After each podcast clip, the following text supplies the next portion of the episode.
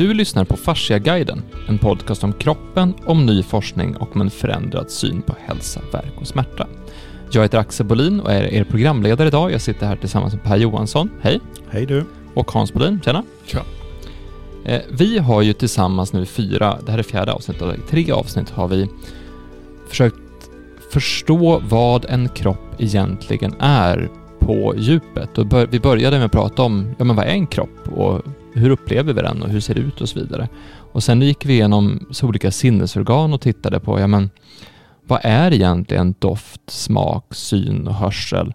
Och sen ägnade vi ett helt avsnitt åt att titta på vad, vad känsel är för någonting. Och någonstans i det här har vi konstaterat att det här med kroppen är ganska lättförståeligt på ett sätt för att man är i sin kropp och kroppen är här liksom så. Alltså jag, jag ser ju Pers kropp här och säger där är Pers kropp. Men samtidigt är komplext att förstå. Det är någonting mystiskt med kroppen. Det är någonting, det är någonting centralt i vad det innebär att vara människa och levande i, i det här med hur kroppen faktiskt är. Och vi pratade om att, att kroppen nästan är någonting som man, man landar i. Eh, för när man föds, då har man en, en kropp och den kroppen har en historik med sig i form av dels de gener som man har och de, de fysiska förutsättningar man får av, av, sina föräldrar, men också beteendemönster man har fått från tidigare släktingar eller så, eller, eller vissa talanger eller gåvor. Jag menar, vissa föds med sångröst och vissa föds absolut inte med en sångröst, eh, om man säger så. Och dessutom så påverkas mycket av den, den miljö vi befinner oss i och vi påverkas mycket av, av vilket, vilka idéer vi föds in i. Att om man föds i Sverige kontra om man föds i Egypten så kanske man blir kristen snarare än muslim, till exempel. Eh, och det finns en massa fysiska effekter av det här också. Och någonstans i det här så hittar man ett jag eller en passion eller en, en vem är man i det här? Så pratar vi lite rätt om medvetandet. Och, och genom att belysa de här frågorna så här grundläggande och försöka förstå vad är egentligen en kropp så börjar vi hitta många intressanta fortsatta frågor. Och en sån fråga vi ska titta på idag är vad en behandling är. Och Per, du tyckte att det var intressant att ta den, den punkten nu.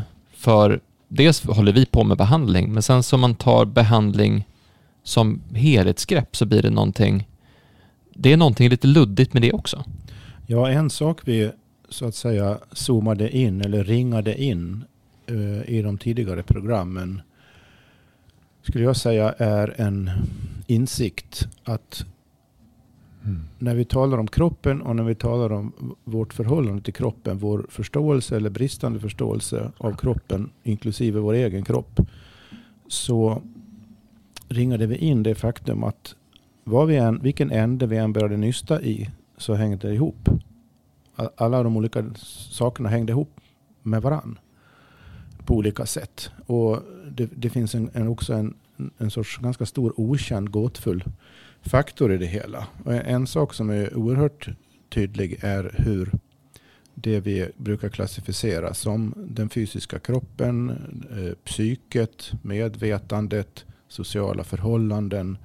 Det där går egentligen inte att separera upplevelsemässigt i sin egen kropp. För allt det här påverkar ju mm. vartannat i en hela tiden. Så den faktiska upplevde situation man befinner sig i går inte i sig och sönderdela på det sättet. Så, men om man, då, om man då blir medveten om att det är någonting som inte är riktigt som det ska. Man har ont någonstans. Eller man känner en djup oro eller ångest. Eller man har problem eh, med sin familj eller på jobbet, sociala problem. Så allt det där är ju någonting som är liksom sömlöst. Går in i varandra i ens mm. egen upplevelse. Och det är mm. ganska svårt för en själv egentligen att skilja ut vad som är vad. Vilken faktor är viktigast? Eh, är det någon faktor jag inte känner till här överhuvudtaget? Vad är det som händer? Men man upplever ju alltihopa mm. som, en, som en helhet. Men om, om man då tänk, tänker på det här i termer av behandling. Ja, men det är något fel på mig någonstans. Eller det behöver inte, man kanske inte behöver tänka att det är något fel. Man tänker bara att det är någonting som skulle kunna vara mycket bättre. Någonting skulle kunna rättas till här. Och då dyker det här begreppet behandling upp. Mm. Har man ont så har vi skolats in i den tanken att ja, men jag har ju ont i kroppen. Det är ju ont i ryggen faktiskt. Då är det ju ryggen som ska behandlas. Mm. Och så går man till någon som vet någonting om ryggar. Och den man går till då, eh, om, om vi talar den vanliga vården. Den man går till som regel då tänker på samma sätt. Att nu är det en fråga om en fysisk åkomma här. Som, alltså man, både den som vill ha hjälp och den som hjälper tänker på det hela som, eh, på kroppen nu då som en, något fysiskt. Det är en fysisk behandling på något sätt. Det, det, det, det är kroppen som fysiskt fenomen som ska behandlas. Det har ingenting med, eh, med, med, andra saker att göra som hur man mår eller vad mm. man har upplevt eh, senaste veckorna eller något sånt. Det, det, har inte med saken att göra utan det, det är den, den kroppsliga smärtan som är fokus och det behandlar man som om det var något fysiskt, rent fysiskt, kroppsligt på det sättet. Säg att fokus ligger på att man eh, har drabbats av svår ångest. Ja, då går man inte till, till den sortens behandlare. Och behandlare man kommer till kommer inte heller att tänka på det som något kroppsligt i första hand. Utan som något psykiskt eller, eller, eller emotionellt eller någonting. Och det har, det har inte liksom någon självklar koppling till kroppen. Utan då pratar man om känslor och man försöker få tag i vad man har upplevt och allt möjligt. Och skulle det vara något som, är, som man klassificerar som ett socialt problem, vare sig det är i, i den närmaste familjekretsen eller, eller på arbetet eller vad det är. Ja, är det, är det någonting i den vägen som har gått så pass illa som man tänker att ja, men nu behöver vi någon sorts åtgärd här. Då, då går man till någon som är bra på det och tänker på sociala sammanhang mm. och relationer och sånt där. Och det är inte heller självklart att det skulle ha någonting med kroppen att göra. Psyket och, och, och, och, eh, känslorna kommer ju in där också. Men inte på individuell basis utan bara enbart relationell då. Det som slår mig när, det är de tre vanliga sätten att, att behandla mm. på. Som det finns institutioner för som mm. gör. Mm. Eh, och allt som blir över där för att det är ganska mycket som blir över då som kanske har med mening och sånt att göra. Mm. Vad lever vi för överhuvudtaget? Vad vill jag? Vad är roligt? Mm. Det, då finns det en annan sektor i samhället som tar hand om det och det är underhållningsbranschen i vid mening. Och man skulle kunna räkna in konstsektorn, konstvärlden i den. Det också. Ta hand om det där som liksom lite mer diffust och ingen annan liksom verkar ha någon riktig koll på. Det, det, kan man få utlopp för där på något sätt. Men det blir också någon eh, värld för sig själv då som inte verkar ha någonting med vare sig ryggont, ångest eller sociala problem att göra. Mm. Men det som är slående om man försöker ringa in saker på väg mot ett helhetsperspektiv som vi har gjort i de tidigare programmen. Det som slår en är ju om man fokuserar på sin egen upplevelse som jag, som, som jag nämnt. Där går det inte att separera någonting av det här. Mm. Och därför blir frågan, vad är en behandling intressant? Mm. Och den, måste man, den kan man ju svara på då i relation till de här tre behandlingssektorerna. Så att säga. Kroppsbehandling, psykologisk behandling, social behandling. Mm. Och så kan man fråga sig, vad är det som fattas i var och en av dem? Vad är det som fattas om man bara fokuserar på kroppsbehandling? Vad är det som fattas om man bara fokuserar på psykologisk behandling? Vad är det som fattas om man bara fokuserar på social behandling? Vad är det som fattas om allt som blir över, allt som har med mening och djupare frågor att göra? Vad är det som fattas när det bara hänvisas till, till konst och underhållning? Och, och litteratur och, och kulturliv och, och, och, så vidare. Mm.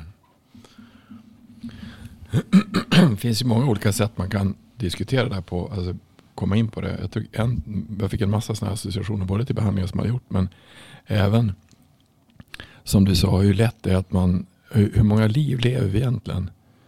Alltså är jag, är jag flera Hans, är jag Hans på jobbet och Hans hemma och Hans där och Hans. Alltså, för att mycket av det man gör det är att man har.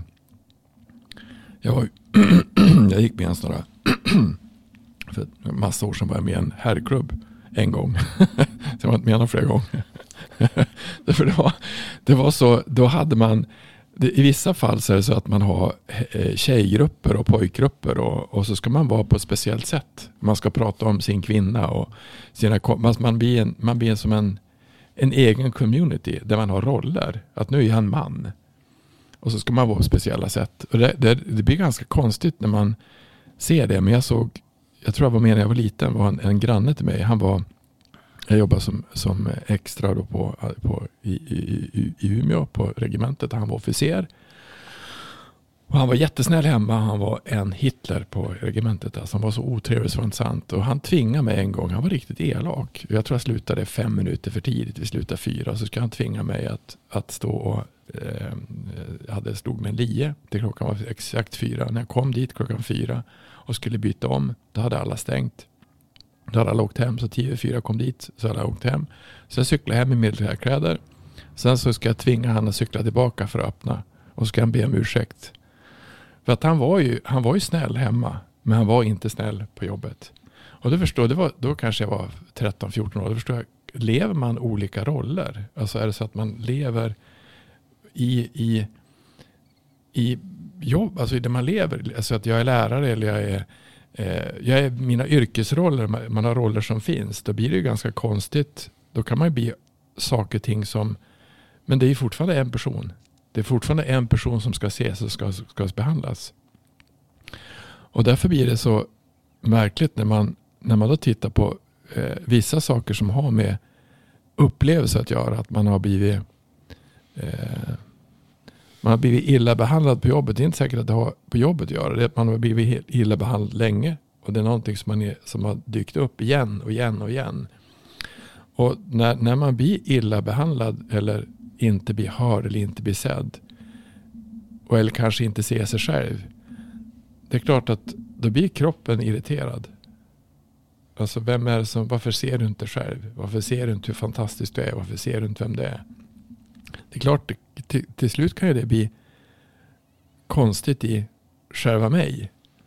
Jag träffade en läkare som jag behandlar nu och så sa han, förklara hur mycket och varför känslor spelar så otroligt roll och varför när man blir bemött av till exempel vården om man är läkare och så blir man inte berört på ett bra sätt. Då blir man ju förbannad på vården.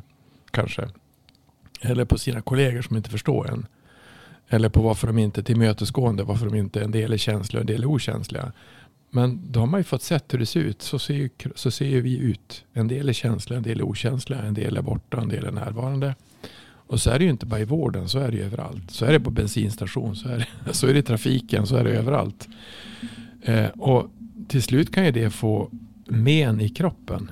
Det blir svårt för kroppen att läka om det hela tiden man, är, man har eh, aggressioner eller sinnesstämningar som är jobbiga.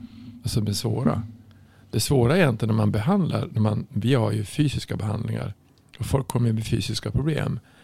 Att vi sen då alltid frågar om vad de gjort, vad de råkar ut för, vad de är med om. Vi tror ju att, eller vi tror att mycket av fysiska problem har att göra med psykiska effekter man har varit med om. Eh, det där kan ju förefalla väldigt, eller många tycker att det är flummigt, vilket är ganska intressant. Mm. Att livet är flummigt. livet är flummigt. Men, men alltså, hur, hur, kan, hur, kan, hur kan vi tro att om jag sparkar in en sten, det gör ju ont. Om jag blir utsatt för ett, ett övergrepp psykiskt så gör det också ont. Varför tror vi inte att de sitter ihop? Det, det, det är lite fascinerande. Fast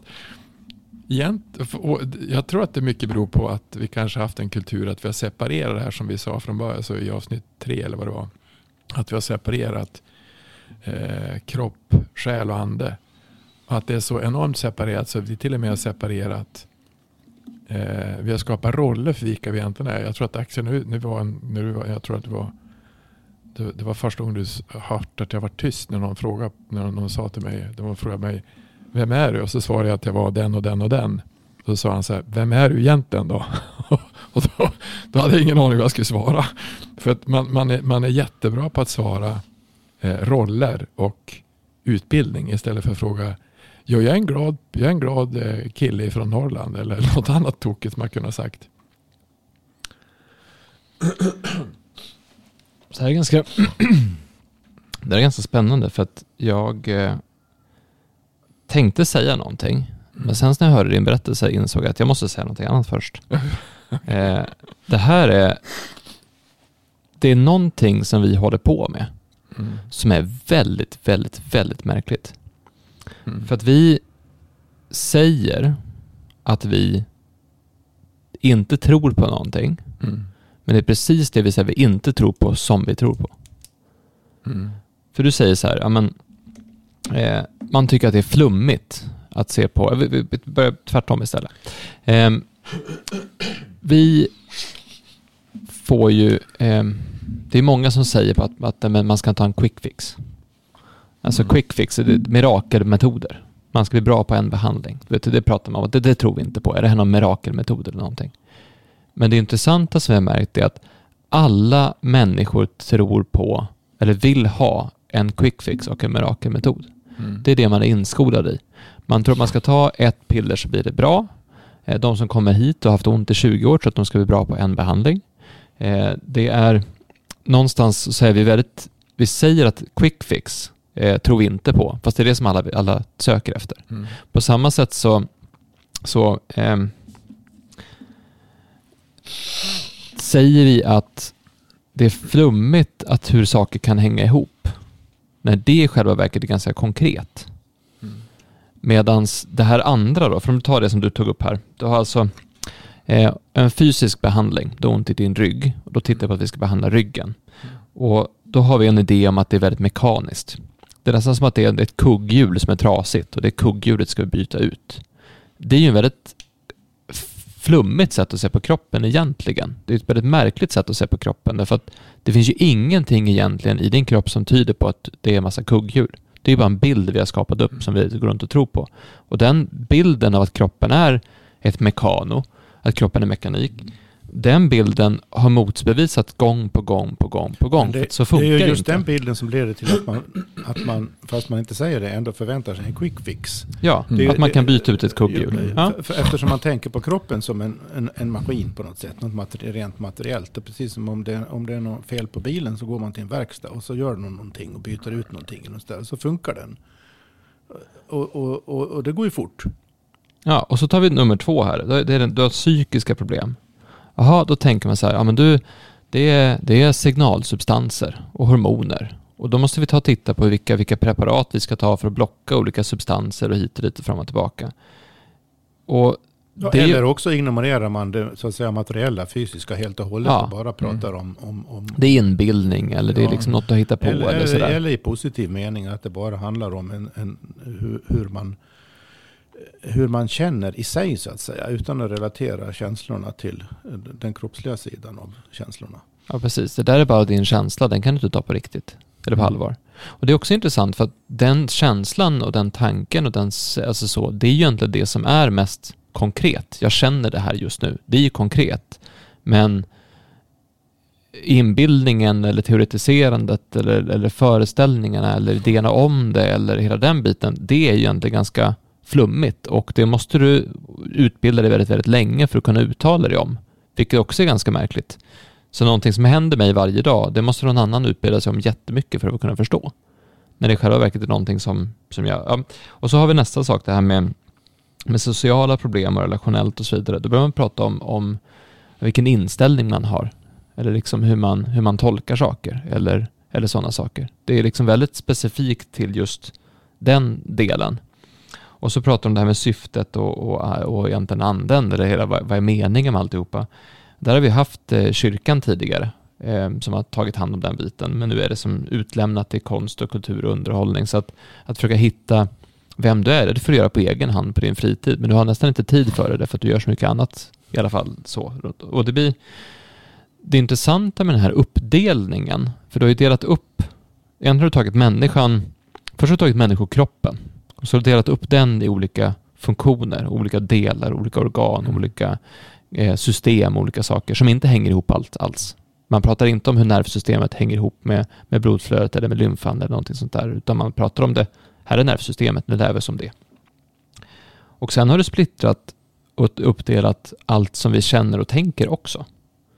Så att ha dina tankar, och då ska du gå dit på det är en typ av problematik. Och fysiska besvär, det är en typ av problematik. Och infektioner, det är en typ av problematik. Och om någonting är brutet, det är en typ av problematik. Och om du är, har ångest, det är en sak. Alltså det, allting är så uppdelat till olika bitar. Och det där blir ju väldigt splittrat. Alltså det blir väldigt splittrat sätt att förstå människan på.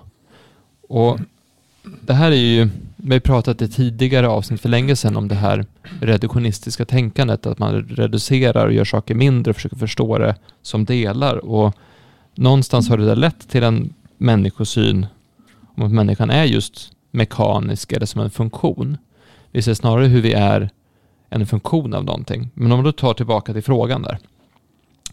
Eh, vad är behandling? Behandling är ju hur jag möter alla människor runt omkring mig. Man pratar om hur man behandlar andra. Mm. Alltså hur behandlar jag dem jag möter? Mm. Det är ju behandling. Alltså hur, hur tar jag hand om någonting? Hur behandlar jag någonting? Är ju den totala kopplingen av hur jag möter andra människor. Så att, att behandla någon är att möta någon. Det är att se en annan människa. Men om, om tanken bakom behandlingen är att nu ska vi hitta kugghjulet som är fel. Då är det det som, det blir det som är avsikten bakom det. Alltså jag har någon sån här grej som jag tänkt på mycket, att, att, att avsikten bakom något spelar väldigt stor roll. Eh, det har varit väldigt starkt när jag var inne i förlossningsvården i höstas eh, och fick barn då, att där var avsikten bakom hela apparaten var att ingen skulle dö. Inte hur ska vi göra förlossningen så bra som möjligt. Och det är ju, det är ju två stycken olika det är två stycken olika spår, två stycken olika avsikter och som egentligen inte riktigt går att kombinera. Därför att den ena leder till riskminimering. Eller man skulle också kunna säga att de inte nödvändigtvis mot, motsäger inte nödvändigtvis varandra. Mm. Nej, men, den men, du fokuserar men om på, du fokuserar ja. just på att undvika död då, får, då, då tänker du i ett spår som gör att du missar en massa andra saker. Hade du mm. fokuserat på något annat mer fundamentalt än att inte dö, nämligen hur man kan leva, så hade du inkluderat att inte dö egentligen. Mm. Och du hade kanske kommit på andra sätt att undvika onödig död än om du bara fokuserar på det i sig. I synnerhet om du bara tänker rent eh, materiellt på det hela. Och, mm. undvika mm. och det här ligger överallt i vårt sätt att ja. se på saker. För det är också den som, som Camilla nämnde i en podd nyligen, att, mm. att eh, eh, eller som någon annan vi pratade med, att rekommendationerna på hur mycket näring man ska få i sig, alltså vilka näringsämnen du ska få i dig, det baseras på eh, män på 40-talet som skulle vara soldater. Alltså hur mycket skulle de få i sig för att inte få allvarliga sjukdomar? Mm. För att kunna, alltså inte för att må bra, utan för att inte må dåligt. Mm. Och det är samma sak där, att fokus ligger mycket på hur vi inte ska må dåligt snarare än hur vi ska må bra. Är det någonting som präglar all modern medicin under hela den moderna tiden och fortfarande så är det ju det att det handlar om hur det är sjukdomsfixerat. Det, det, det är inte fokuserat på hälsa. Det är fokuserat på när någonting är fel någonting man, man klassificerar som att det är något fel.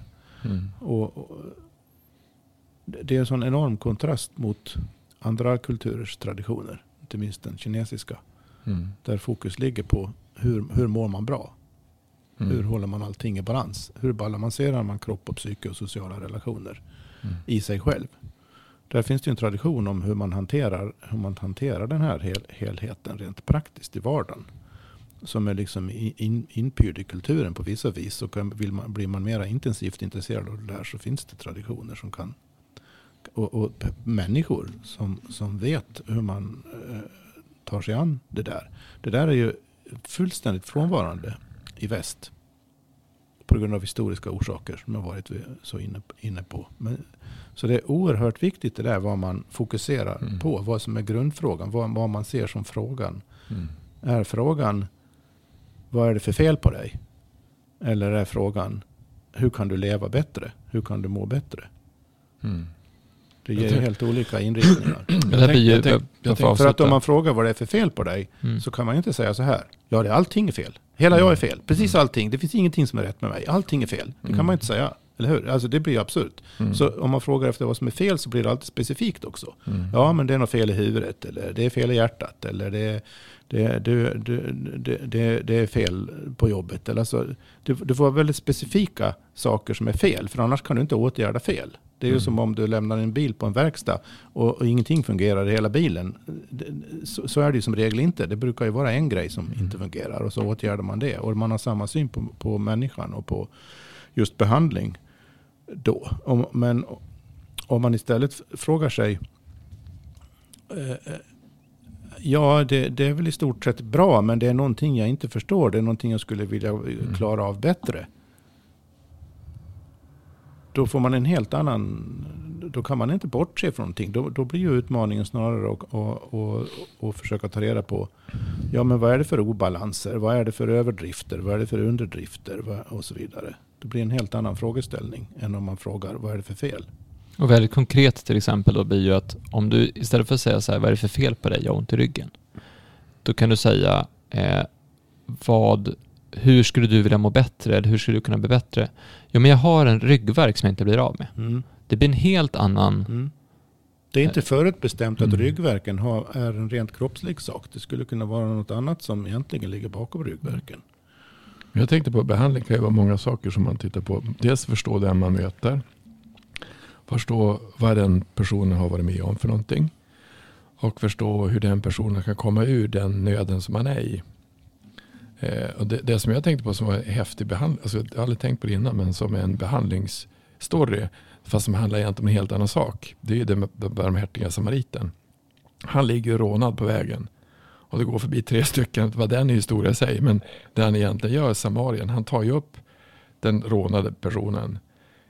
Ger han kläder, sätter in honom på ett värdshus, ger han mat och säger att här har du pengar till så att du klarar det. Och så kommer jag tillbaka om ett par veckor och ser att du mår bra.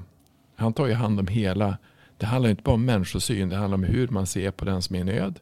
Förstå att de är i nöd, se till att de kommer ur nöden och se att de klarar sig till de kommer tillbaka.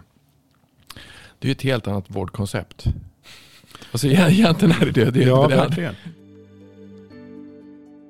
Vi är sponsrade av Fasciaklinikerna och fasciaklinikerna finns därför att jättemånga människor går runt med bland annat ryggvärk och ont i nacken utan att veta att det finns riktigt bra hjälp att få och enkla sätt att hålla sig frisk. Det fasciaklinikerna har är en riktigt bra behandlingsprocess, en bra kunskap om kroppen, lång erfarenhet av olika typer av besvär, en riktigt bra maskin som eh, behandlar kroppen på ett effektivt och skonsamt sätt och en personal som verkligen brinner för att hjälpa människor. Det häftiga med fasciatekniken är att fasciateknikerna blir bättre och bättre. Behandlingsmetoden utvecklas hela tiden, man håller sig ajour med ny forskning. Alla som jobbar på fasciateknikerna lyssnar regelbundet på Fasciaguiden och funderar på vad innebär att få ha en kropp och hur ser till att kroppen blir så bra som möjligt. Så att om du har ont så är fasciateknikerna för dig. Det är också för dig som vill prestera bättre eller bara må bra i kroppen eller utvecklas med din kropp. Så är du intresserad av att boka behandling så gör du det på fasciaklinikerna.se. Det andra som jag tänkte säga som, om, som är fel, jag tänkte att det, man, det, det finns en, en, en, annan grej som, som är ganska intressant om man tittar på. Ibland så när folk kommer in till mig då får man stå upp för kroppen och försöka säga åt sinnet att lugna ner sig. Alltså, det är så mycket fel på mig och min kropp gör inte som jag säger och den är dit och dit och fram och tillbaka. Och jag, vill spela, jag spelade golf med en kille i helgen så han var så arg. Han var så arg på sig själv så det var helt, det var helt sjukt. Han, och du kan inte göra någonting och nu puttar du fel och hur kan man slå dit och hit? Alltså han var så arg så det var, undrar varför han spelar golf överhuvudtaget. Han var ju 60 år gammal och bara arg hela tiden. Men, men då kan man göra det man kan göra då egentligen istället för att ställa, om man ställer upp på kroppen då och, och försvara kroppen. För kroppen är ett levande organism med ett helt mirakel. Då kan man ju bara titta på varför är du arg på kroppen? Och då är det ju sinnet ofta som är ute och, och åker.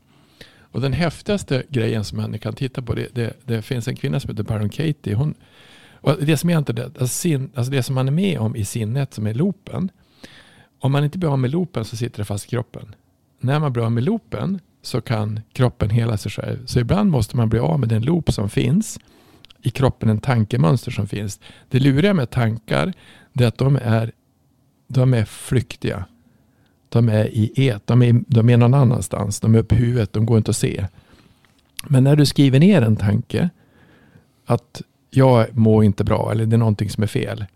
Då, ser, då menar hon att hon har en grej som heter The Work som är otroligt enkel. Hon kom på det därför att hon, hon mådde så jävla illa. Så hon förde ur en säng och vägde 100 kilo och så såg hon en kackerlacka.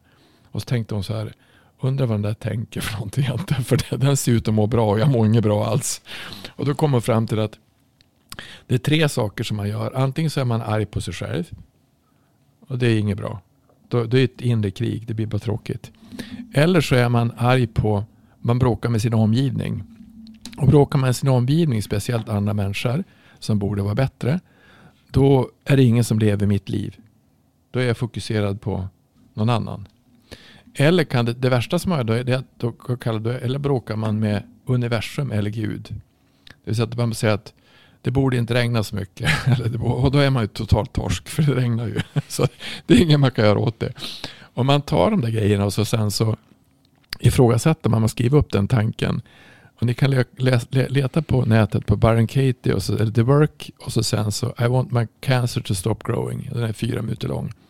Och det är en kille som har cancer i hela hans ansikte ser konstigt ut och han är vad är det som stressar dig? Och så säger hon så här I want my cancer to stop growing. I want the cancer to stop growing and hurting me and my family. Know, and know that So you want the cancer to stop growing? Yeah, Is that true? Are you sure? Have you stopped to think about it? Look again. You may come up with the same answer, and I'm inviting you. You want the cancer to, to stop growing. Yeah. Is that true? Are you sure? Sit with it.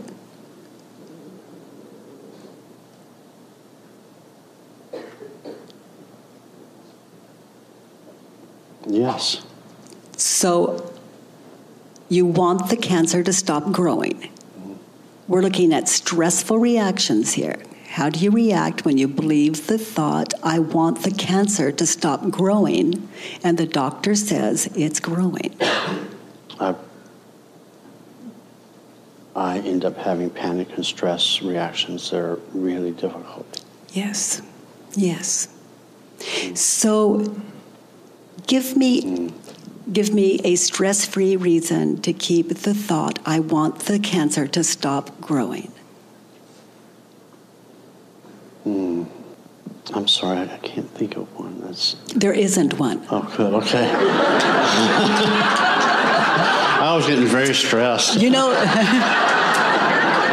You know, there there may be one and I haven't found it yet. I'm traveling with you. Okay, thank you. Yeah. So I want the cancer to stop growing. Who would you be without that thought?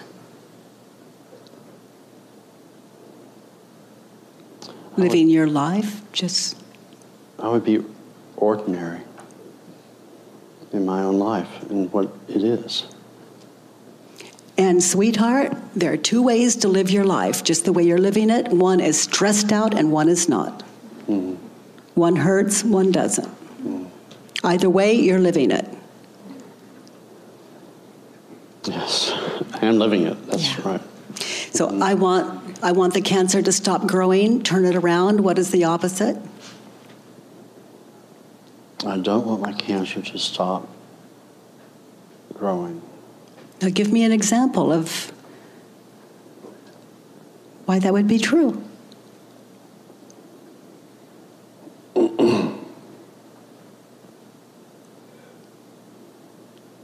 Me an example of why that's a good thing.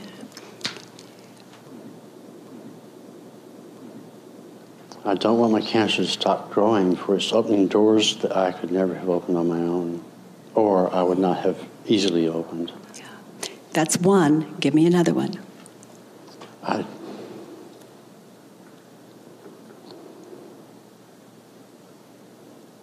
I don't want my cancer to stop growing because it's opening my heart. That's two. Give me one more. If you find two, you can find three.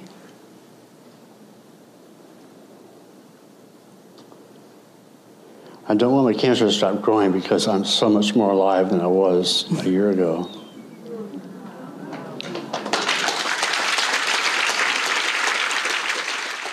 Jag skulle ha mycket lättare att se min familj och alla som bryr sig om mig. Jag skulle ha mycket lättare att ta hand om mig själv. Jag skulle ha lättare att förstå andra människor. För då är stressen ifrån tanken borta. Och så är det oftast i, i många fall att, att tanken som man har, som man kommer med att, att man är arg på sin kropp eller någonting som är fel. Om, om man börjar bli av med den tanken så lugnar kroppen ner sig. Och jag, när jag gick på lärarhögskolan så försökte jag förklara det för folk eh, alltså på specialpedagogen. Alltså en del människor är ju, när man, när, man, när, man, när man stämplar folk med att det är fel på dig, då är det svårt för dem att komma ut det. Mm. Men om man säger så att jag är dålig på att läsa. Ja, men om du tränar mer tror jag att du kan lära dig läsa då. Nej, det går ju inte. Men allting som jag vet, att, alltså jag är inte bra, alltså, ska jag träna och spela piano ska jag bli, jag skulle kunna spela lite grann piano fast jag är inte speciellt bra på det. Så allting man lär sig blir man ju bättre på. Men om jag säger att jag inte kan läsa och jag inte kan lära mig läsa, så då kan jag inte lära mig läsa. Men om vi säger att jag kan göra det, så att allting så det blir mycket lättare. Det luriga många, många kommer ju till oss med, med eh, stämp, alltså diagnoser av tillstånd. Och diagnos är ju tillstånd vid ett speciellt tillfälle. Men om den diagnosen blir stämplad att det är fel på mig, det går inte att ändra på. Då, det luriga då, då går det kanske inte att ändra på det. Men om man ser den andra sidan, att det går att ändra på det. Då, och att man ser att det kanske är en, en gåva att man har fått den där eh, diagnosen. Då kanske man kan se för att när man har fått en diagnos, då har man ofta fått, eller man har varit med om, ett, många som har kommit till oss som har haft ont. De har ju fått uppleva mörker. Och när man är i mörker och när man har ont, det är då man kan se den andra sidan, när man blir frisk. När man är frisk så ser man nästan ingenting. För det är man, bara, man går bara runt där och tycker att allting är bra. Men det är först när man egentligen så när man ser mörkret, när man ser det som är konstigt, det är då man uppskattar livet som det egentligen är. Det säger nästan alla som har med om det. Så därför blir det ju, så vad kan en behandling vara för någonting? Behandling kan ju vara att ändra sitt mindset ifrån att jag tycker att jag är knäpp till att jag kanske accepterar att jag är inte knäpp utan jag bara fastnar i tankemönster. En, behandling... en kontenta blir att du, du ska aldrig skylla på någon. Du ska inte skylla på någon annan. Du ska inte skylla på dig själv. Utan du ska egentligen vara snarare nyfiken på vad det är frågan om. Exakt. Och det, det, det luriga är att alltså, jag, jag, hade, jag hade med en, där man tittar på just saker som, som kan vara jättejobbigt eh, som sorg när, man blir, när någon dör. Det, det märkliga är att alltså, alla som jag har träffat genom mitt liv kommer alltid att leva i mig så länge jag lever. Så att det finns ingen död. De, de, de, de, som jag, jag sa det till en kvinna jag träffat. Det var synd att jag fick träffa din mamma för att hon verkar vara en fin person. För hon lever i dig. Men jag vet inte vem det är. Så då finns ju inte, då, då, finns ju, alltså död finns ju inte riktigt på det sättet heller. Utan sorgen som finns tror jag det är att inte vi lever vårt eget liv till fullo. Eh, och varför gör vi inte det då? Det är ju nästa grej. jag tänker på att en, eh, eh, så här apropå det här med, med, med behandling. När man söker, om, om man söker behandling så gör man ju det för att man utgår ifrån att någon annan vet vad det är för fel. Någon mm. annan vet vad man mm. behöver. Det är någon annans kunskap som ska rädda en. Och i många fall är det ju så. Mm. Så att det är inte så att det är fel. Det är ju, det är ju inget absolut fel med den inställningen. Men om den, jag har en känsla av att den inställningen har blivit ö, totalt överdriven många gånger för oss i det här samhället. För det, det, det innebär ju att man förväntar sig man har ingen förväntan på att man skulle kunna begripa eller eh, inse eller känna efter eller förstå någonting själv. Mm. Det är alltid någon annan som, som, som vet. Och, om man liksom, ja, hur, hur ska jag göra med kosten? Ja, då får man fråga man någon som näringsfysiolog. Liksom. Hur ska jag göra med mina känslor? Jag får mm. fråga en psykolog. Hur ska jag, eh, eller hjärnforskare i värsta fall, mm. och, och, och, så vidare det är någon annan som ska behandla mm. en. Det är någon annan som vet. Det, det, det är så automatiskt, så, vi är så automat, verkar vara så många i vårt samhälle så automatiskt inställda på det sättet. Så, så att vi kommer liksom inte riktigt på tanken att vi skulle faktiskt kunna bilda oss själva. Utveckla mm. oss själva. Genom bara en sån enkel sak som att bestämma sig för att helt enkelt förnimma så mycket som möjligt mm. av vad som själv händer med en mm. i olika situationer när man gör olika saker. Och vara uppmärksam på det. Mm. Och, och, där kan olika personer ha olika metoder. Man kan skriva upp saker om, eller, eller, eller på något annat sätt hantera, hantera det hela. Och, och såklart prata med andra som har kommit på samma tanke. Att skulle man inte kunna förstå sig själv faktiskt. Mm. Och problemet i vårt samhälle är ju att det inte finns någon tradition för det, hur man gör. Mm. Vilket det bevisligen finns i andra kulturer. Mm. Det tror jag egentligen var det som jag tror att det var. Alltså, när jag ringde till från början, varför, varför finns det så lite? Vi, är- vi är ju ett kristet land, eller kristen tradition. Ja, vi är, ja, vi är på sätt och vis en sekulariserad kristen, Kristen tradition. Ä- Eh, Ännu värre.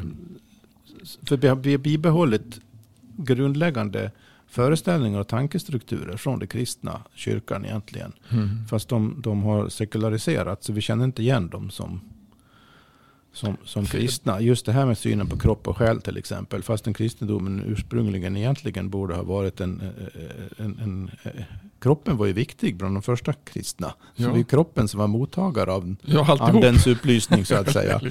Eh, Men sen har ju kyrkan har ju eh, förvanskat det där sen då och del, delat upp det. Så lång, långt innan vi kom till Descartes och, Mm. och den här dualismen mellan kropp och själ så hade, hade i, väst, i Västeuropa, i västkyrkan, i katolska traditionen så hade den där uppdelningen redan skett. Och det är ju den som lever kvar vidare nu då. Men fortsätt vad du skulle säga. Ja, men Jag tror att det som är det, är det som man skulle kanske behöva mera veta. Och som ingen, det, är- det, det är mitt eget ansvar. Men vem är du? Hur funkar du? Eller som Ivar sa igår när vi hade en sån här eh, workshop. Att jag har testat.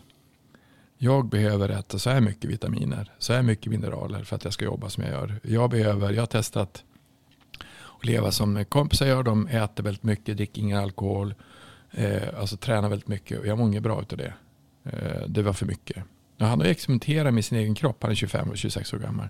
Och varför, eh, vad är det som gör, alltså som jag ställer frågan som jag sa från början, så, som, som han frågar vem är du? Som jag hade svårt att svara på. Varför har vi svårt att svara på, det är klart att vi har svårt att svara på vilka vi är. Men, men varför är det svårt att förstå att jag måste förstå mig själv? Ja, det är en bra, Varför- bra fråga. Varför är det så svårt? Och, där, och därför blir det ju, när man då träffar någon som, eh, när man, de som kommer på behandling, eller jag hade någon sa, hur länge håller det här då? Inte vet jag, så jag. Det beror på vad du gör. Alltså det är ungefär som, om du, jag brukar säga, om du är med om ett trauma imorgon, då kommer din kropp att reagera. Om du, alltså, hela kroppen, alltså om, om, om jag blir jätterädd, så kommer hela, min, hela mitt nervsystem, allting kommer bara chocka till. Hur påverkar det min kropp? Och om, om inte du kan hitta ro i ditt jobb och göra saker och ting på ett annat sätt, hur ska jag göra det då? Ja, men jag trivs ju ganska bra med mitt jobb, fast jag trivs inte riktigt som jag jobbar. Nähä, vad ska jag göra åt det då? Då måste du hitta ett annat sätt. Antingen så tar du jobbet så att du går dit och tjänar pengar och så gör du det. Och så lever du. Men många lever genom jobbet. Om, om, om, om livet är jobbet och leva genom jobbet och det är inte bra, då blir ju livet, kroppen blir, det blir ju konstigt att jag ska leva för jobbet, att jag är jobbet. Men jobbet är ju, det är inte jag. Jag är ju andning och det är näring och det är kärlek och det är glädje och det är sorg och det är en massa andra saker. Men om allting jag gör ska vara på ett enda ställe, då blir det ganska konstigt. Så jag tror Men jag tycker inte att det är så. Det är inte så svårt egentligen att förstå för det är så om man tittar på det som vi har pratat nu om. Alltså om, om människosynen är att om kroppen är trasig då ska man gå och byta ut en del och så blir det bra. mm, Eller tillföra någonting Ja. som rättar Mm. till det. Och om det inte funkar då ska man göra mer av det som inte funkar. Det är också grejen. Alltså om jag tar en medicin för att, för att bli av med kugg, alltså för att fixa det här kugghjulet och så funkar inte det, då ska jag ta en till medicin. Och sen ska jag ta en till medicin och sen ska jag ta en till medicin. Så det är därför väldigt många har alltså 7, 8, 14 olika med- mediciner när de har haft den typen av problem. Ja, en, en sak som driver på det här också det är ju att i och med att de här strukturerna och de här sättet att dela upp saker och ting har etablerats eh, i samhället så finns det ju alla möjliga väldigt starkt befästa intressen som lever av och tjänar på att det är på det här viset. Och, och generellt sett, apropå det där att, man hela, att, att, att vi så att säga helt omedvetet egentligen inom citationstecken skolas in i en uppfattning där vi alltid tror att någon annan vet bättre. Och det finns ingen inskolning i hur vi skulle kunna förstå oss själva bättre. Mm.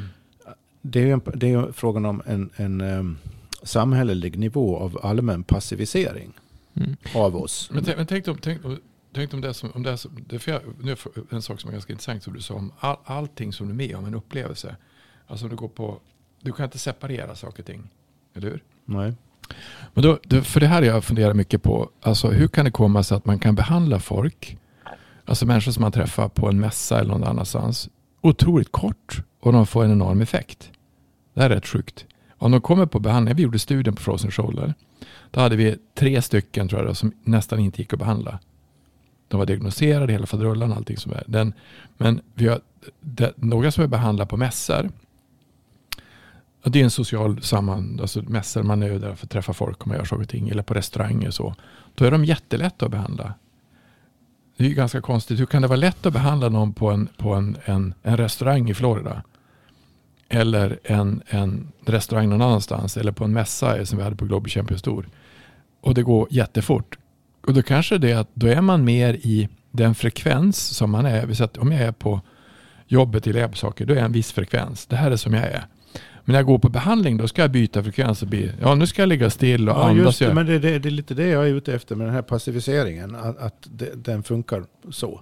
Ja, det blir Ja. negativ. Ja, alltså passivisera. precis. Så att egentligen ska man kanske, därför det- det som är intressant, du gjorde du Axel, du spelade in en sån som du behandlade, en kvinna som hade haft ont i nacken i eh, flera år, som du behandlade på Elmia. Och så sen så kom hon tillbaka, så behandlade hon tio minuter, och så kom hon tillbaka och sa, ja nu har jag inte ont i nacken längre, jag har haft ont i tio år. Det är ju ganska fascinerande. Så, och då kanske det är därför att den, den frekvensen som vi är i när vi är som vanliga vakna, att bara vi vaknar till då så blir mer i kroppen så blir det lättare. Eller hur? Ja, det ligger någonting i det där. Definitivt. Jättekonstigt. För jag hade en sån som jag behandlade nu. Som jag, alltså, hon hade haft ont. Hon hade haft whiplash, hade haft ont i skallen. I, hon kunde nästan inte sova varenda natt. Och så kunde sova. Och det, jag var på en sån här, ja, och spelade golf förra helgen då. En golftävling. Och så sen så, så att jag visade lite tryck och lastning för mina kompisar. Hur man kunde göra saker och ting. Och så sen så kom det fram då en, en kvinna som jobbar i, alltså, servitisen servitrisen. Så att jag har ont.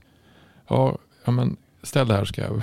Så gjorde jag tryck och lastning på eh, axel, armbåge, hand. Och så lite grann i nacken. Tre, fem minuter, tio minuter kanske. Nu släppte allting sa hon. Ja, vad intressant. Så kom jag tillbaka. Jag har ont i andra också. Kom jag tillbaka så gjorde jag det tio minuter till. Och så sen så kom jag tillbaka. Det är helt fantastiskt. Nu är allting bra. Alltså det, det går. Det är, det är jättekonstigt. Men det är precis som att då är de då är man mottaglig för att man är man är inne i den frekvensen som man alltid är i. Så de kom till mig och så sa så här, du Hans, eh, kan du titta på kocken? så kom kocken ut. så det var ju lite märkligt. Men eh, så behandling kan det vara många saker. Det kan vara fysiskt, det kan vara, men jag tror att man måste vara med. Hela kroppen måste vara med. He, hela du måste vara med för att det ska funka optimalt.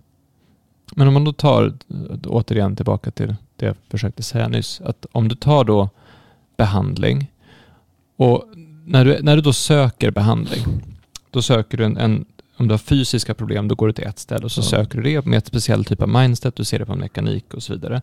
Och om du har psykiska problem, då vänder du till en annan. Och om du har sociala problem så vänder du till någon annan. Om du har problem med hur du, vad du tror på eller vem du är eller vad du ska göra eller vad syftet är eller vad du ska bli för någonting när du blir stor eller vad du ska jobba med. Och då vänder du till den ena och den andra och så vidare och så där. Mm. Och det här blir ju en, en uppdelning. Och den här uppdelningen, vad, vad gör det med min bild av mig själv? Hur känner jag mig när jag tänker så här? Då blir man ju väldigt splittrad, eller hur? Frånvarande. Och om jag blir splittrad, Mm. Ja, man är ju inte närvarande i, själv i som helhet. Är man Nej. inte nej, närvarande utan jag går ju hit för den här funktionen, för Mm. den här saken. Mm. Och i det mindsetet så, så går jag till dig för att få behandling. Mm. Så de som kommer hit för behandling för, för frozen shoulder då på den här studien, Mm. de kommer ju för att få den här fysiska, mekaniska, Yes. kugghjulsutbytande behandlingen. Ja, Då har de inte det är en inflammation. Det var en inflammation i Ja, men. Ja. det tillståndet som jag Ja, kommer till dig ja. med, så kommer jag dit med insikten av att okej, det är någonting som är fel på mig och det här felet ska bytas ut. Det här felet ska fixas. Och den inställningen som jag går in med påverkar hur behandlingen upplevs. Mm. För om du tänker på, på det, som, det som är lite fascinerande med vårt alltså samhället, eller alltså allting som finns runt omkring. Dels det här med, med det uppdelade, splittrade, det reduktionistiska, Mm. att vi ser oss själva som funktionsenheter nästan, eller som mekanik. Vi är också fruktansvärt bra på att hitta fel, på att Mm. se fel. Vi är jättebra på att se fel i oss själva och se fel i andra. Och så sen så kommer man och säger, det är fel på mig, det är fel på Mm. min rygg, det är fel på hit och dit, det är fel på, det är fel på, det är fel på. Då är det ju den loopen. Och den loopen leder ju väldigt mycket neråt. Alltså det är nästan Mm. som att man det är nästan som att man vill må dåligt. Mm. Alltså att må dåligt blir nästan en identitet i det här, att det är fel på mig. Mm. Då är man ju i det fel på mig och så tar du tillbaka till the work som du pratar med Mm. tankarna. Vilka tankar är det som loopar runt?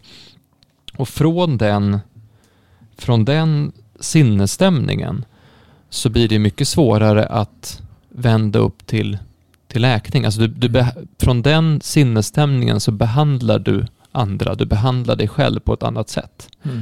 Det är därför jag tror att det, nu har vi pratat i 47 minuter om, om väldigt mycket med hur vi ser på saker. Mm. Men jag tror att avsikten bakom, tron bakom, tankarna bakom är väldigt viktiga i hur man behandlar saker. För att om du tänker på, alltså vad är behandling? Alltså vad är att behandla? Så det jag, det jag tror på, det jag har, eh, antingen det jag tror på som har kommit till mig, eller det jag Mm. tror på som jag upptäckt själv, eller vad jag, vem, vem jag är och vad jag står för och så vidare. Det här påverkar ju någonstans vilka tankar jag tänker. Dels vilka tankar som jag inte bryr mig om som kommer, som jag Mm. bara skickar iväg, eller vilka tankar jag väljer fokusera på. Mm. Och det här påverkar ju det jag, det jag gör, alltså mina handlingar och hur jag behandlar folk. Mm. Om du har ett, ett mindset i att du försöker hitta fel och så träffar jag dig, då kommer jag hitta felen på dig.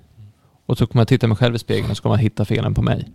Men om jag har en inställningen att ja, men jag ska, som min, min morfar brukar säga det, foten i kläm, jajamensan.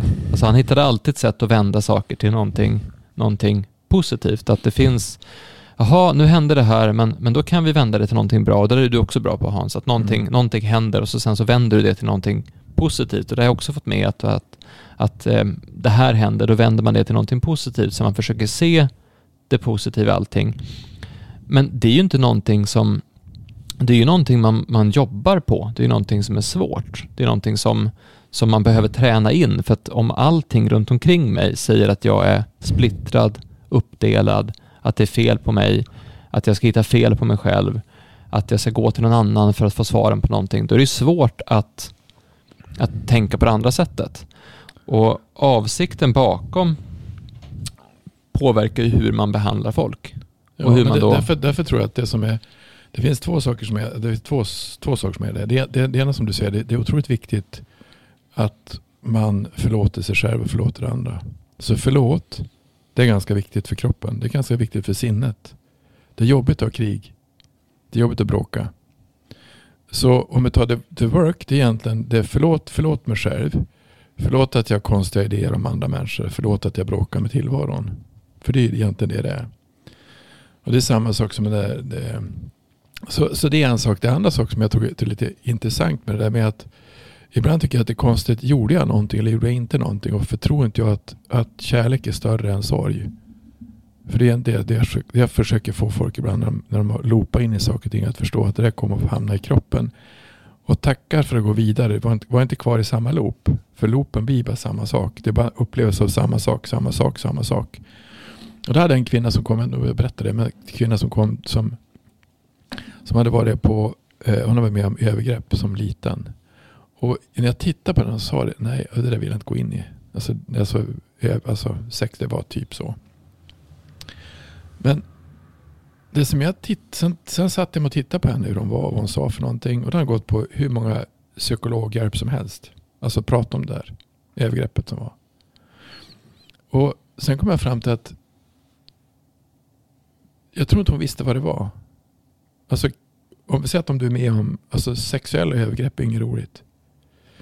Och det, alltså, men när du är liten så förstår du inte vad det är. Alltså, det är många övergrepp som vi har fått för som vi har varit med om som inte vi förstår. Men om vi börjar analysera dem som vuxna då blir det nästan sår. Alltså man är med om någonting som är ett övergrepp. Och ett övergrepp kan vara det kan vara att någon säger någonting som inte är sant. Eller man, någon gör någonting som man inte förstår. Eller någon gör någonting mot mig som jag inte förstår. Som är sexuella övergrepp då. Men det är fortfarande någon som inte förstår. Eller hur? Och då, men det som är luriga där, det är att de där övergreppen som vi inte förstår, de är kvar i kroppen för vi förstår dem inte. Och då letar man efter vad är det för någonting som jag inte förstår. Så att hon som jag berättade om som hade hade haft migrän, eh, som jag berättade om, att, jag tror jag berättade något avsnitt, hon hade kommit med så hon såg nästan helt rak ut, fast lite grann sned var hon i nacken. Och så sen ska jag berätta om att eh, din kusin hade fått cancer. Och så, ha, ha, aha, hade hon också cancer? Ja. Har du också haft cancer? Ja, när jag var fyra. Jaha, vad sa de då? Sa de att det skulle, fanns det hopp? Ja. Ljög de? Ja. Så att hon har varit med om att hopp, hopplöshet var det hon såg, men hon visste inte vad det var. Och då är man fast i den loopen att det är hopplöst till man släpper den loopen. För att då vill ju kroppen ha svar på det. Så att vissa sådana här saker som övergrepp som hon hade, den här kvinnan som jag var med om då, hon hade inte förstått vad hon var med om. Så att, men förstår att du var med om ett övergrepp, men du förstod inte vad det var. Så att övergrepp, det är ingenting som vi behöver analysera mer än bara förstå att vi är alltid med om övergrepp på ett eller annat sätt.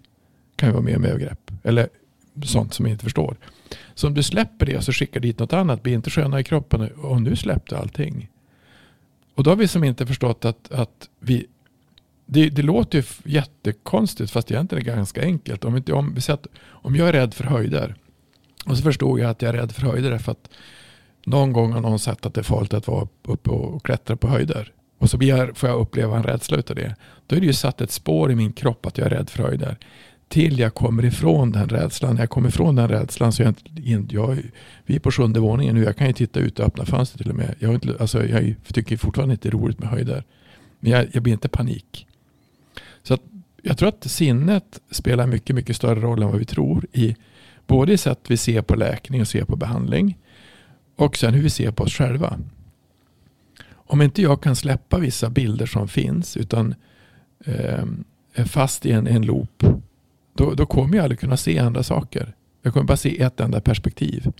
Men ju mer perspektiv man kan ha upp för, upp för att se, ju mer kommer kroppen att vara med om. Och vissa av de här perspektiven som till exempel övergrepp eller hopplösheten och sådär. Om, de, om det är det enda vi har gått in nu. Alltså jag, jag, jag träffar några som kan så mycket om sin kropp och att det är fel på dem. Så, men har du funderat på hur det ska bli bra då? Nej, det är bara fel allting. Ja men då blir det ju fel allting. Men om vi vänder på det, hur kan vi göra kan vi testa och se om det här blir bra? Kan vi börja jobba med det? Ja, kanske. Då finns det i alla fall ett mindset att det ska bli bra. Det finns en, en hopp att det ska kunna bli bra. Det finns en, en, en väg för att det ska kunna bli bra. Då kanske är det större chans att man kan behandla och göra saker både fysiskt och psykiskt. Och näringsmässigt och tankemässigt för att det ska gå bra. Men gör man inte det, då kommer man ju egentligen att bråk, ställa alltså, krokben för sig själv. Men det där, där som är vad, är en, vad är en behandling, därför det är det här som vi har sett ända sedan vi började behandla folk 2010-2011. Att vi, vi tog fram en modell som heter trappan som är att du, det blir, när det blir dåligt på något sätt så, så äh, du har ett ont i ryggen. Men sen så har du ett ont i ryggen och så får du stress på jobbet. Så att ryggontet blir istället för en gång i veckan så blir det varje vecka och så får du problem att sova. Och så när du har problem att sova så får du problem med, med matsmältningen eller med öronen eller med vad, vad, som helst och så blir det liksom problem på problem på problem på problem och så blir det värre och värre och värre och till slut så har du någon typ av, av allvarlig sjukdom. Men det kräver att gå in och titta på den sjukdomen hos den personen och förstå varför de har fått det och hur man ska hantera det det blir väldigt komplext eftersom att allas resa till den punkten har varit olika. Det här har vi pratat om förut. Eh, det som vi istället har gjort är att titta på, okej, okay, nu ska vi inte förstå varför det gick fel. Därför det är så svårt ibland att förstå varför det gick fel. Framförallt eftersom att vi, vi tror oftast att det är en sak. Jag tog som exempel igår när vi höll föreläsning att ja, men, eh, man får cancer av att äta chips, tänker vi. Men du får inte cancer av att äta chips du får cancer av att du ät, kanske äter chips, men sen du har den där stressen, du har den där grejen och den där grejen. Alltså det är, oftast så kommer det här av 30 orsaker, eller 40 orsaker. Du vet, det är hur mycket saker som helst som hänger ihop som är komplexa. Men så är inte vi tränade att se på kroppen. Vi tänker oftast att det, det måste vara en sak som hände, det var det som gjorde det. Oftast kanske det är en sak som kanske var katalysatorn som fick det att, att gå från det ena till det andra. Men förmodligen så är det en konsekvens av väldigt, väldigt mycket du har varit med om. Det betyder ju då i en behandlingssituation att du kan inte egentligen inte i praktiken hantera den komplexa bakgrunden utan du behöver en annan strategi. Det är jättesvårt. Så det vi, det vi gjort istället är att vi, vi har sagt så här, okej, okay, ja, men hur, hur mår man bra? Mm. Och så fokuserar du på det först. Det är ju det här skiftet du ja. var inne på. Också. Så jag tittar på hur, hur ser man till att man får bra balans och hållning? Ja, hur ser man till att man har bra näringsnivåer? Och också det att man kan komma åt saker från olika håll. Att säga att du har saker som du upplever som egentligen någon, någon sorts eh, psykiskt eller tankemässigt problem. Så har det satt sig i kroppen. Och så, eftersom du upplever det som ett, ett psykologiskt eller emotionellt problem så tror du att du måste angripa det på det planet också. Mm. När i själva verket kanske det, vad som skulle hjälpa mest var att de spänningar som det här har inneburit för kroppen, som har satt sig i kroppen. Om man behandlar dem så försvinner det emotionella problemet också. Ja. För att eh, det, det, speciella med emotioner är ju att de, mm. De är ju egentligen tillfälliga hela tiden. Man går inte omkring och känner samma sak, utan det varierar ju hela tiden, mm. varenda minut nästan mm. ibland. Så, så, så, om, man, om man fokuserar för mycket på den sidan och försöker komma till rätta med sina känslor i sig. Så kanske det också är, är en sorts uh, fälla man kan hamna i. Det är, då, det är då man riskerar att hamna i de här loopsen också. Du mm. pratade om Hans. Så det är också intressant och, och, och, viktigt att tänka att man kan vända på saker och ting. Och är det inte ofta det ni gör just i fasciabehandlingen? Alltså det vi gör är en kombination av alltihopa. Det är därför det blir en sån ja, effekt när det funkar som bäst. För då behandlar du någon, du behandlar någon fysiskt. Du, du tar i dem. Det är det jag menar, det börjar Du ökar ju där. efterflöd, mm. vätskeflödet. Men, du, men det börjar egentligen innan när du frågar folk, hur mår du? Mm. Vad har du varit med om? Mm. mm. Eh, vad har du för förväntningar? Vad vill du? För då tar man reda på vad har hänt? Man ser en annan människa och man försöker fråga om allting. Man försöker få helheten bara så att det här, någonstans som Hans sa det här med att få ner det på papper, eller få ur sig det. Så att man har, nu är det här ute, nu har vi, nu har vi sagt det, nu är det framme, bra. Hej, tar i hand, känner på dem, ser dem, tar bilder på dem. Alltså hur, det här mötet med människan så att man ser hela människan på en gång. Och sen när du får den, den, fysiska behandlingen så, så tar du ju någon, du sätter igång flöde och vibrationer och då får du också till den här den här avslappningen, att du, att du slappnar av och är här och nu i stunden och du kan få in andning. Men när det funkar som absolut bäst är ju, som Hans har berättat om flera gånger i den här podden, när du också får personen att tänka på någonting som gör dem glad eller, eller som den här personen vi pratade om för avsnitt sen som eh, åkte iväg i tanken till en brygga i eh, Norrland där han kände sig harmonisk eller, eller som börjar titta på okej okay, men hur, hur äter jag egentligen och inte hur äter jag och hur rör jag mig för att jag ska bli, bli av med mitt problem, utan hur gör jag varje dag för att jag ska må bra, för att jag vill må bra. Det är två olika idéer där också. Och när allt det här är i kombination så händer det ju någonting. Men sen finns det ju, ja, det, det finns, sen finns det ju de som är, som är i saker och ting som de vill vara i. Alltså jag hade behandlat dansare, hockeyspelare, alltså elit, elitspelare. En dansare, en elit idrottsman. Och den första, när jag var i, när jag var i Finland och skulle visa Jarmo Haunen som, som har skrivit, han har översatt Anatomy Trains av Tom Myers på finska. Och då, var jag, då hade han ett, ett seminarium och så hade jag med mig en bilddiagnos. Jag visade hur de såg ut. Som jag fick framifrån, bakifrån, sidan. Och så, så, så var det en, en, en ballerina som var på, på eh, finska, alltså operan där. Och då sa att du är sned så du har ont där och där och där. Och tittade på mig och är du synsk eller? Nej. så man får det när man ser ut sådär. För det är ett mönster som man får oftast. Och de är så extremt, alltså både de som jobbar så mycket som dans, de är, alltså dansare pensioneras vid 40 års ålder, visst är det så? De jobbar ju så extremt mycket med kroppen ifrån 10 års ålder att lära sig ännu tidigare. Och mycket av det de gör, att hoppa upp och göra piruetter och så och gå och stå på fötterna, alltså det är ju väldigt ansträngande för höften och för, för hela benen. Så att hon, när hon kom på då att hon behövde bli borrad var 14 dag i höften. Så, då, då så ringde hon till Jarmo och sa han, ehm, Now could you please drill my hip?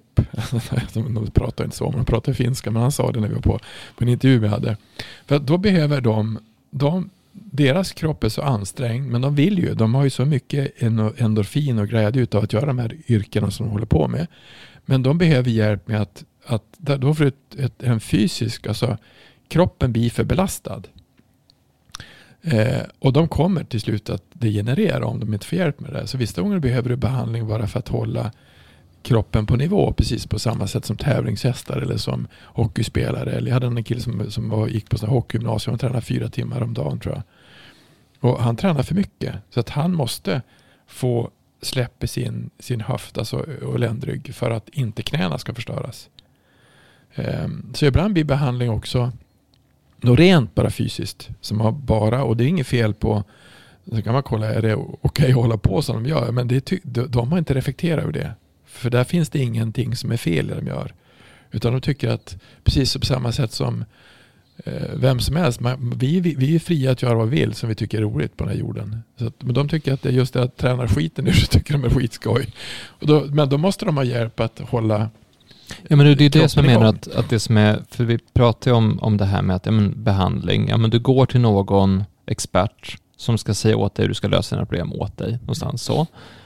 Det som, det, då är ju, jag går till någon som ska lösa mitt problem. Mm. Den andra varianten som vi har testat nu i flera år som blir någonting helt annat, det är ju att, att man går till någon, absolut. Du, du går fortfarande till någon som är expert eller någon som kan någonting mm. eller någon som har läst på det, gjort ja, det förut. Man får inte blanda ihop det här. Det är klart att, mm. att, du, att du det kan finns behöva alltid hjälp. människor som ja. vet mer än man själv. Så. Men om du går till någon som lär dig hur du tar hand om dig själv, lär dig hur du känner efter själv, mm. lär dig hur du... För det som de här som elitidrottare ofta, de, de har oftast ganska bra koll på kroppen till viss mm. del, som har ju koll på vad de äter, hur de tränar, hur de rör sig och så vidare. De vet ju att de behöver support. De vet att de behöver mm. hjälp för att kunna fungera bättre. Mm. Eh, som vi hade en, en, en sångare och dansare hos oss som, det var inget fel på honom egentligen. Alltså han mådde ganska bra. Men han kom hit för att han behövde han, han kände att när jag går hit så blir det lite mjukare, lite rörligare och det är värt det för mig för att kunna hålla på på ett bättre sätt, för att kunna få ut lite mer av det jag gör. Och då har ju han känt att, ja men just det, så här är det i min kropp. Och det är samma sak som jag själv mår relativt bra. Men jag vet att om jag går och får behandling då och då så får jag lite hjälp att, att återställa lite grann, komma tillbaka och hitta tillbaka till den här, det här läget som egentligen är mitt bästa läge. Mm. Därför det kan vara tufft ibland att hinna med allting och hålla koll på allting. Så att, men, men tricket är, och det pratat om den här podden förut, att när du väl när du väl känner att du börjar förstå hur det fungerar, hur du sitter ihop, då kan du behandla dig själv till väldigt stor utsträckning. Du kan, du kan andas, du kan röra dig, du kan ta promenader. Det finns väldigt mycket enkla saker man kan göra för att hålla sig i form. Mm. Och då när det kommer så ökar ju tryggheten i att just det, jag behöver inte vara orolig för att bli sjuk på samma sätt. För jag vet att jag blir inte det. Och om jag blir det vet jag var jag ska gå. Lite grann som, jag tror jag var inne på det här avsnitt förut också. Det, det jag märkte var den, den häftigaste saken med att träna kampsport. Det var att, att vetskapen om att ja, men om jag blir attackerad nu, då kan jag försvara mig. Inte för att jag ska bli attackerad, och inte för att jag alltså, alltså vill det eller någonting så här heller, men om det skulle hända så vet jag hur jag ska göra. Och det är ju en, en grundinsikt, en grundtrygghet i att jag behöver inte vara rädd. Mm. Och det är samma sak där, att jag har ju vetat ända sedan jag var, ända sedan jag var eh, 16 ungefär. Och då hade jag, jag berättade om det i någon podd också, att jag hade massa utslag i ansiktet, massa finnar och sånt. Och sen fick jag gå till en jätteduktig frekvens eh, terapeut som då visar att ja, men det har att göra med det här och det här. Och ända sedan dess har jag tänkt så här, vet du vad, det, jag kan faktiskt råka ut för vad som helst. Jag kommer, jag kommer kunna hitta en väg ur det. Mm. För jag vet, jag vet så mycket om min kropp nu och jag vet vart jag kan gå för att få hjälp när jag inte klarar av det själv. Men det handlar inte om att någon ska lösa mitt problem åt mig, utan någon ska ge mig support och hjälp och ta mig i handen och visa mig vägen så att jag kan lösa det här på egen hand. Så vad landar vi nu då i frågan? Vad är, mm. vad är en behandling?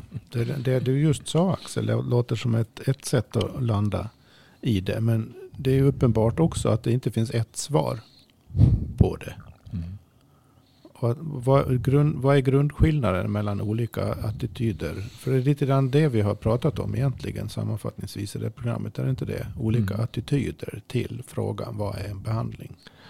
Men om man säger så här att en behandling är det konkreta den konkreta relationen som ett resultat av en avsikt. Alltså, men, nu formulerar mig kanske lite klumpigt, men, men att det finns en avsikt. Eh, någon vill något mm eh, och det här uttrycker sig i en behandling. Eh, och behandlingen i sig är uttrycket av den avsikt jag har eller den, det trosystem jag har, eller de idéer jag har eller det som ligger bakom. Alltså mitt trosystem är, är eh, kugghjulsgrejen som vi pratar om. Då blir behandlingen en kugghjulsbehandling. Vi har också fokuserat mycket på eh, eh, den som behöver behandling.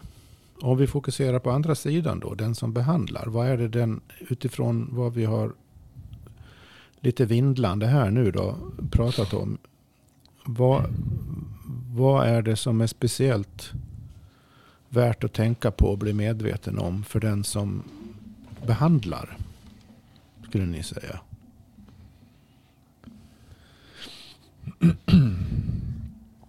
Behand, behandling, jag tror att det som är viktigt som den som behandlar det är dels vilken, vilk, eh, hur mycket vill man gå in i? Alltså hur mycket vi, alltså eh, det är allting som, man, allting som är att så fort du ska göra någonting så måste du träna på det. Alltså skapa erfarenhet, hur mycket kan man gå in i, vad kan man göra? Det är svårt, det kanske är svårt för en 25-åring att säga åt någon någon som är äldre att göra på ett speciellt sätt om man inte har den kontakten. Eller få den kontakten. Och vissa saker kanske man inte ska gå in i förrän man vet om man klarar av det.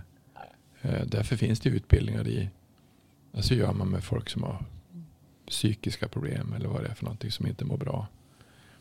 Så att, jag tror att behandlaren får något, det som vi gör egentligen, vi har mycket på med fysisk behandling och dessutom med maskiner. Det blir ju en det blir både en, en distansering fast en närhet. Det är lite intressant för maskiner skapar så mycket flöde i kroppen så det händer saker och ting som man inte gör. Man ska sitta och, eh, jag tror man ska, för, man ska fundera på, är det mitt ansvar? Eller det, det, det, så är det ju alltid. Det är aldrig mitt ansvar att någon blir frisk. Det är aldrig mitt ansvar att någon, det händer någonting. Utan det är dens eget ansvar. Så att separera på eh, separera på, på, på mitt, alltså mitt ansvar som terapeut att se folk, försöka att visualisera vad som är för någonting och hitta en väg ut för dem att gå. Ingenting annat. Jag tror att det är viktigt oavsett vil- vilken, alltså vad, vilken behand, typ av behandlare man är. Alltså oavsett om man håller på med, med medicin eller med psykologi eller med sociala problem eller som terapeut, alltså som fysiska behandlingar. Alltså oavsett vilken typ av behandlare man är så tror jag det är viktigt att man försöker att aldrig glömma bort att se människan. För det, det är det som jag tror mycket, många många strukturer och processer och system och institutioner och må- mycket saker som har byggts upp har tagit bort fokuset på människan, att man ser människan. Och kanske snarare inte fokusera så mycket på vad jag vill göra utan snarare titta på vad, vad behöver den här människan för hjälp. Och där tror jag det ligger mycket, alltså man börjar behandla människor som människor så börjar man se saker på ett annat sätt. Och det, det gäller ju alla som håller på med serviceyrken. Det är inte bara, bara behandling för att man ska bli frisk, utan det handlar om hur man behandlar... Alltså, jag och Ivar pratade häromdagen om att hur fascinerande det är hur, hur fruktansvärt många som är så fruktansvärt dåliga på service. Men det, det är ju det du sa för ett tag sedan. Att, att egentligen är varje, varje möte mellan människor är, handlar om behandling. Mm. Ja. Så, så, precis. Och så ska jag försöka, om, du, om jag ska behandla dig, då ska jag göra mitt absolut bästa för att du ska få ut så mycket som möjligt av den behandlingen. Men samtidigt så måste ju du också göra ditt bästa för att du ska få ut så mycket av behandlingen. Det, det är vi väldigt noga med att poängtera just hur ehm, det, det tror jag man kan ta som, för vi har lite sådana grundmotton som vi börjar lära ut till våra, våra fasciakliniker som vi jobbar med. Eh, och en sån som är väldigt viktig är att, att jag är ansvarig för mitt liv, det jag gör och min hälsa. Alltså jag, Axel Bolin, är ansvarig för mig. Och du är ansvarig för dig. Och du är ansvarig för dig. Mm. Och den, så jag är ju ansvarig för hur jag behandlar dig. Men det är du som är ansvarig för hur du tar emot behandlingen. Mm. Och jag brukar säga det när jag håller kurser också, att jag kan inte lära dig någonting. Men du kan säkert lära dig någonting av mig. För det är inte, Alltså om, om det var så enkelt att jag kunde öppna upp ditt huvud och bara hälla i massa kunskap, då skulle, man, då skulle det se helt annorlunda ut. Men så funkar det inte. Mm. Utan jag måste aktivt lära mig någonting. Jag måste aktivt vara med i det jag gör för att det ska kunna komma in. Och det blir samma sak egentligen med alla, egentligen med alla möten, egentligen med alla situationer. Att, att, Motivation kommer inifrån, inspiration kommer utifrån. ja, jag, jag måste själv aktivt vilja vara med. Mm. Oavsett om det är en relation, en behandling, ett möte eller vad som helst. Annars blir det som ingenting. Då blir det en envägskommunikation. Då händer ingenting. Det finns alltså ett symmetriskt krav på såväl behandlaren som den behandlade om att öka sin egen självkännedom och utveckla sig själv Mm. i alla situationer egentligen. Mm. Och när, det, när, när, när, när ett sånt möte sker tillräckligt starkt, då händer det någonting extraordinärt. Som vi har på sätt och vis lärt oss att inte förvänta oss. Mm. Men som skulle kunna hända mycket, mycket oftare. Mm. Och det, det luriga i det här är ju att, att det ligger ju i mitt intresse att jag ska delta som patient i behandlingen och ta åt mig den så bra som möjligt. Mm. Men varför agerar inte folk så? Mm. Mm. Det är vanligt att man inte gör det menar du? Ja, Mm. Erfarenhetsmässigt har du konstaterat det? ja men ta, det, du kan ta det här med quick fix. Det är en sån sak. Mm. Alltså jag, de många som går till vård och ska få hjälp med någonting, då vill de ha någonting som gör att de själva inte behöver göra ansträngningen som det innebär att förändra. Ja. Alltså de, de flesta sjukdomar idag är livsstilsrelaterade, det vet man om. Och för att bli av med en livsstilsrelaterad sjukdom, vad måste du göra då? Ändra livsstil. Ändra livsstil. Ja. Men det vill man inte göra, utan man vill hell- hellre ha ett piller som gör att man, ett piller är symbolen nu för en quick fix, som gör att man fortfarande kan ha livsstilen som gör att man blir sjuk. Och det här är, där blir det, komple- där blir det tokigt. För om det var så att det, för att det funkade så, då skulle man inte ha livsstilsrelaterade sjukdomar.